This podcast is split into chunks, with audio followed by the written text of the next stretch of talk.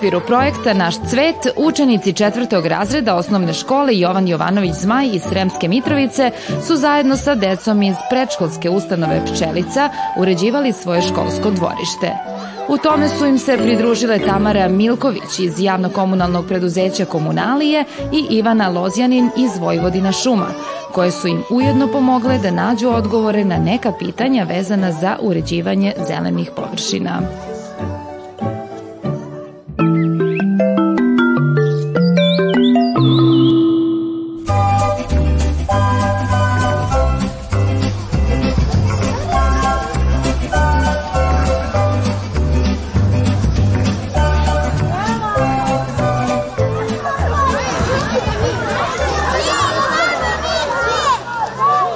Dobar dan, drugari, dobro nam došli. Mi smo se danas okupili ovdje kako bismo uredili naše školsko dvorište i ozelenili prostorije naše škole, a danas su nam u gostima dve divne dame, naše prijateljice, Tamara Milković iz javnog komunalnog preduzeća Komunalije i Ivana Lozjanin iz javnog preduzeća Vojvodina šume.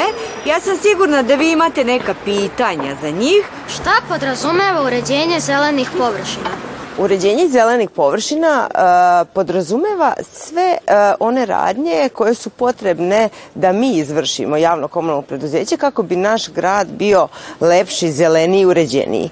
E, šta mi radimo u gradu? Vidite često naše radnike u uniformama, e, kako, kao prvo kose travu, je tako ovo vreme prolećno kreće košenje trave, orezivanje stabala, košenje te štetne vegetacije uz puteve na prilaznim putevima našem gradu i kako ide lepše vreme, vidite sve sve šareniji postaje grad, odnosno mi sadimo razne vrste cveća. To je najbolje sad u ovom periodu. U toku e, same kasne jeseni, početak zime, uglavnom vršimo sadnju e, listopadnog drveća i četinara ono što možemo reći da nije to samo sadnja i košenje, nego naravno u toku letnjih meseci naša cisterna je stalno na terenu i e, mora obilato da se zaliva.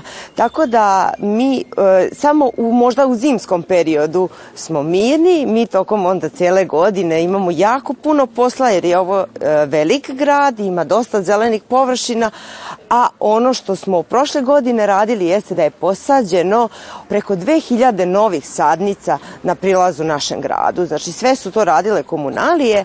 Ono što mi takođe radimo tokom godine jeste i saradnja upravo sa školama.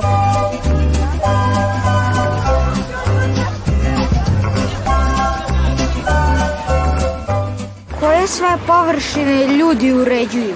Površine koje ljudi uređuju mogu biti razne površine. Ono što mi nazivamo uređenjem površina jesu neposredne zelene površine u e, našem području. Dakle, da li je to naša okućnica, dvorište, da li su to gradski parkovi, da li su to neke druge zelene površine, imamo i te neke površine pored putnih pojaseva, zatim sportske terene, e, razne površine koje čovek koristi u svom e, delovanju, u svom životu se uređuju.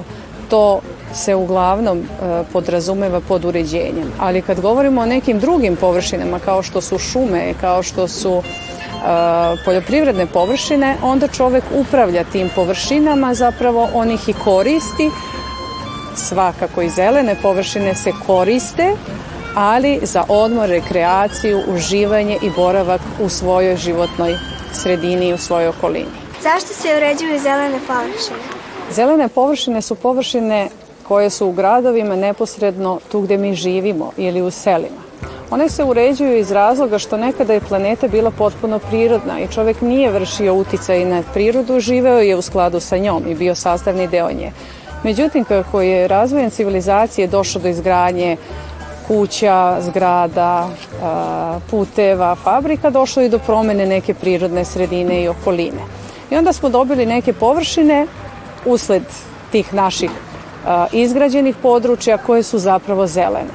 Zašto ih uređujemo? Da bi nam bile lepe, da bi nam bile udobne za život i da bi našu životnu sredinu činile zdravijim i prijatnijim za naš život. Ko uređuje zelene površine? Zelene površine uređuju razne grupe ili razne asocijacije ljudi, ali oni ljudi koji su za to školovani jesu pre svega urbanisti, arhitekte, pejzažne arhitekte a kroz istoriju to su bili razni vrtlari, baštovani, ljudi koji su se bavili cvećem, drvećem, travnjacima, oni su uređivali te zelene površine.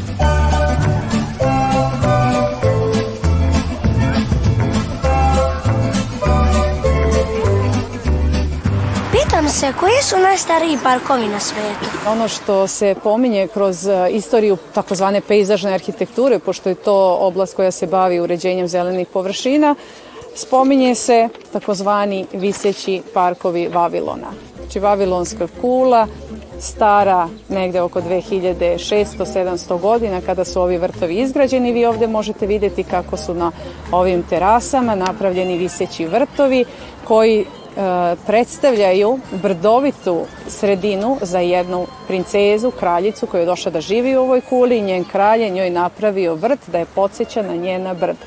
Inače, osim toga što su to viseći vrtovi kroz terase, oni imaju i prirodni vodopad i čitava ova zelena a, e, kula ili njeni viseći vrtovi su imali i navodnjavanje, pošto znate da biljke ne mogu da opstanu bez vode. Tako da kad govorimo koji je to najstariji vrt, mi uvek pominjemo da je to Vavilon. Kasnije kroz istoriju pojavljuju se mnogi drugi vrtovi, e, dvorci pre svega i mnoge moćne e, države sveta su gradili velelepne parkove za uživanje svojih vladara.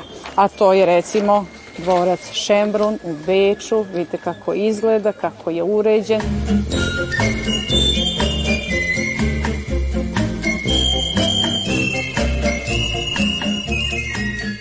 A onda bih vam pokazala i još jedan koji je vredan i značajan u e, istoriji pejzažne arhitekture. Ovako izgleda osnova jednog parka, a ovo je park e, Versaj u Parizu i njegovi projektanti tada su tako crtali ovaj park i ovo je kad gledate iz neke tičije perspektive.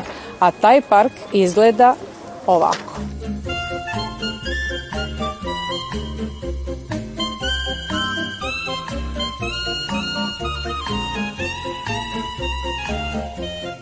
Kako se uređuju zelene površine?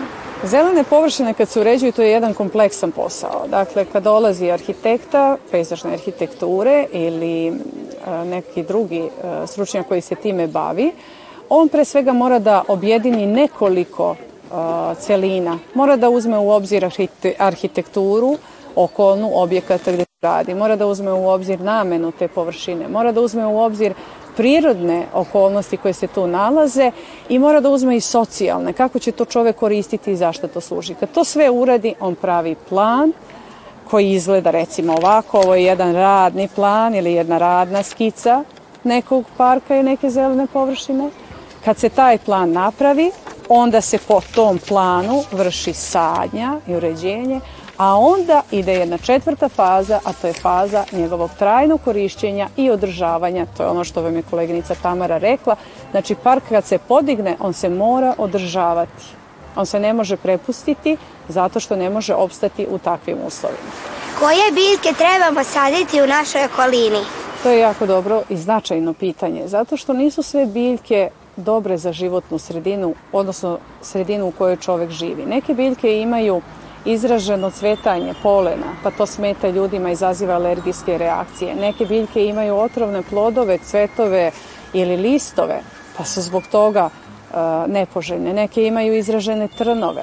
Tako da su to sve osobine biljaka o kojima moramo voditi računa kada pravimo izbor biljaka za uh, sadnju. Pogotovo je jako važno za dečije dvorišta, dečije parkove i dečija igrališta koje ćemo biljke odabrati. Svakako one sa crvenim bobicama ne smemo saditi zato što su deca sklona da to uberu, jel tako? I da probaju kako, kakvog je ukusa.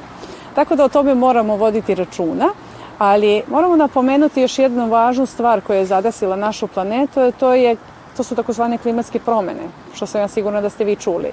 Dakle, u e, periodu kome se mi nalazimo i kojim, kojima živimo, smo izloženi klimatskim promenama i tu je neka strategija da se sade biljke iz tog podneblja jer će se tako najviše uticati i ublažiti klimatske promene u područjima u kojima živimo.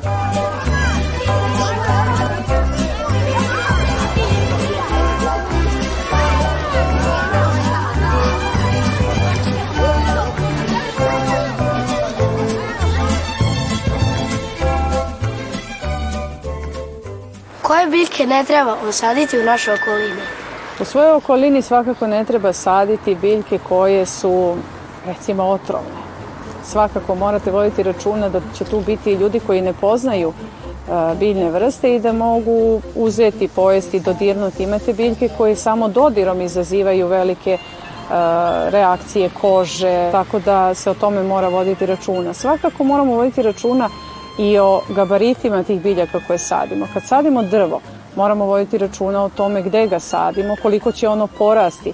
Postoje drveće koje samo treba da raste u šumi zato što pri nekom jačem vetru to drvo može da padne, može da ošteti kuću, može nekoga da povredi i o tome moramo voditi računa. A pre svega ono o čemu vodimo računa jeste da biljke koje, čije dejstvo kao što su polen, eh, inhibitorne materije, Eh, ili neke druge materije koje utiču na čoveka, moramo znati da takve biljke ne smemo saditi u parkove, dvorišta i e, okolinu gde ljudi sede, borave i provode svoje vreme. Šta nam je sve potrebno da bismo uređivali svoj prostor? Da biste uredili svoj prostor potrebna vam je prvo volja vi morate da budete odgovorni prema svojoj sredini i da kažete da li ja mogu nešto da uradim i pomognem kako bi ovaj moj životni prostor i moj grad izgledao lepše. To je prvi osnovni neki uslov. A onda vam treba stručno lice koje će vam pomoći kako taj prostor da uredite, kako da e, organizujete prostor za korišćenje, kako da odaberete biljke, koje biljke, svakako biljke vam trebaju i onda treba malo rada da se to sredi, da se očisti, da se pripremi zemlja za sadnju, za travnjak i onda se izvrši sadnja, podigne travnjak, onda tu dolaze neke staze, neke klupe.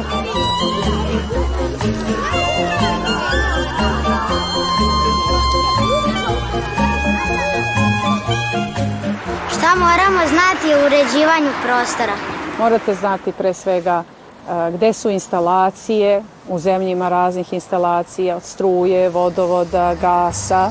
Morate znati da ako posadite neko drvo koje će izrasti visoko, može da ošteti nadzemne instalacije, pa takođe moramo voditi računa o tome.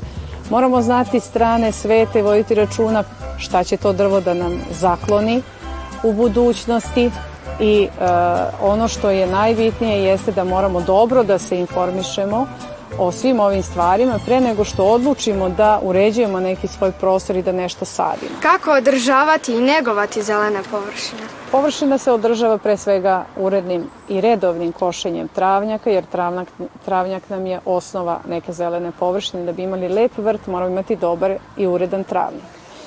Zatim, uredno orezivanje, okopavanje, đubrenje, odnosno do, e, unošenje mineralnih materija e, biljkama je potrebna prihrana, e, pravilno orezivanje, uklanjanje precvetalih cvetova i uvek svaki vrt traži neku dopunu, izmenu, osvežavanje sa nekim novim vrstama.